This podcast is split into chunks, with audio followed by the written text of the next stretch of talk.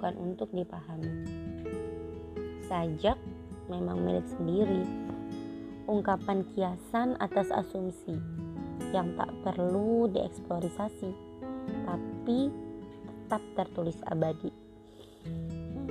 Terkesan tanpa makna, nyatanya syarat akan makna bagi sekelumit jiwa saat rasa yang membawa.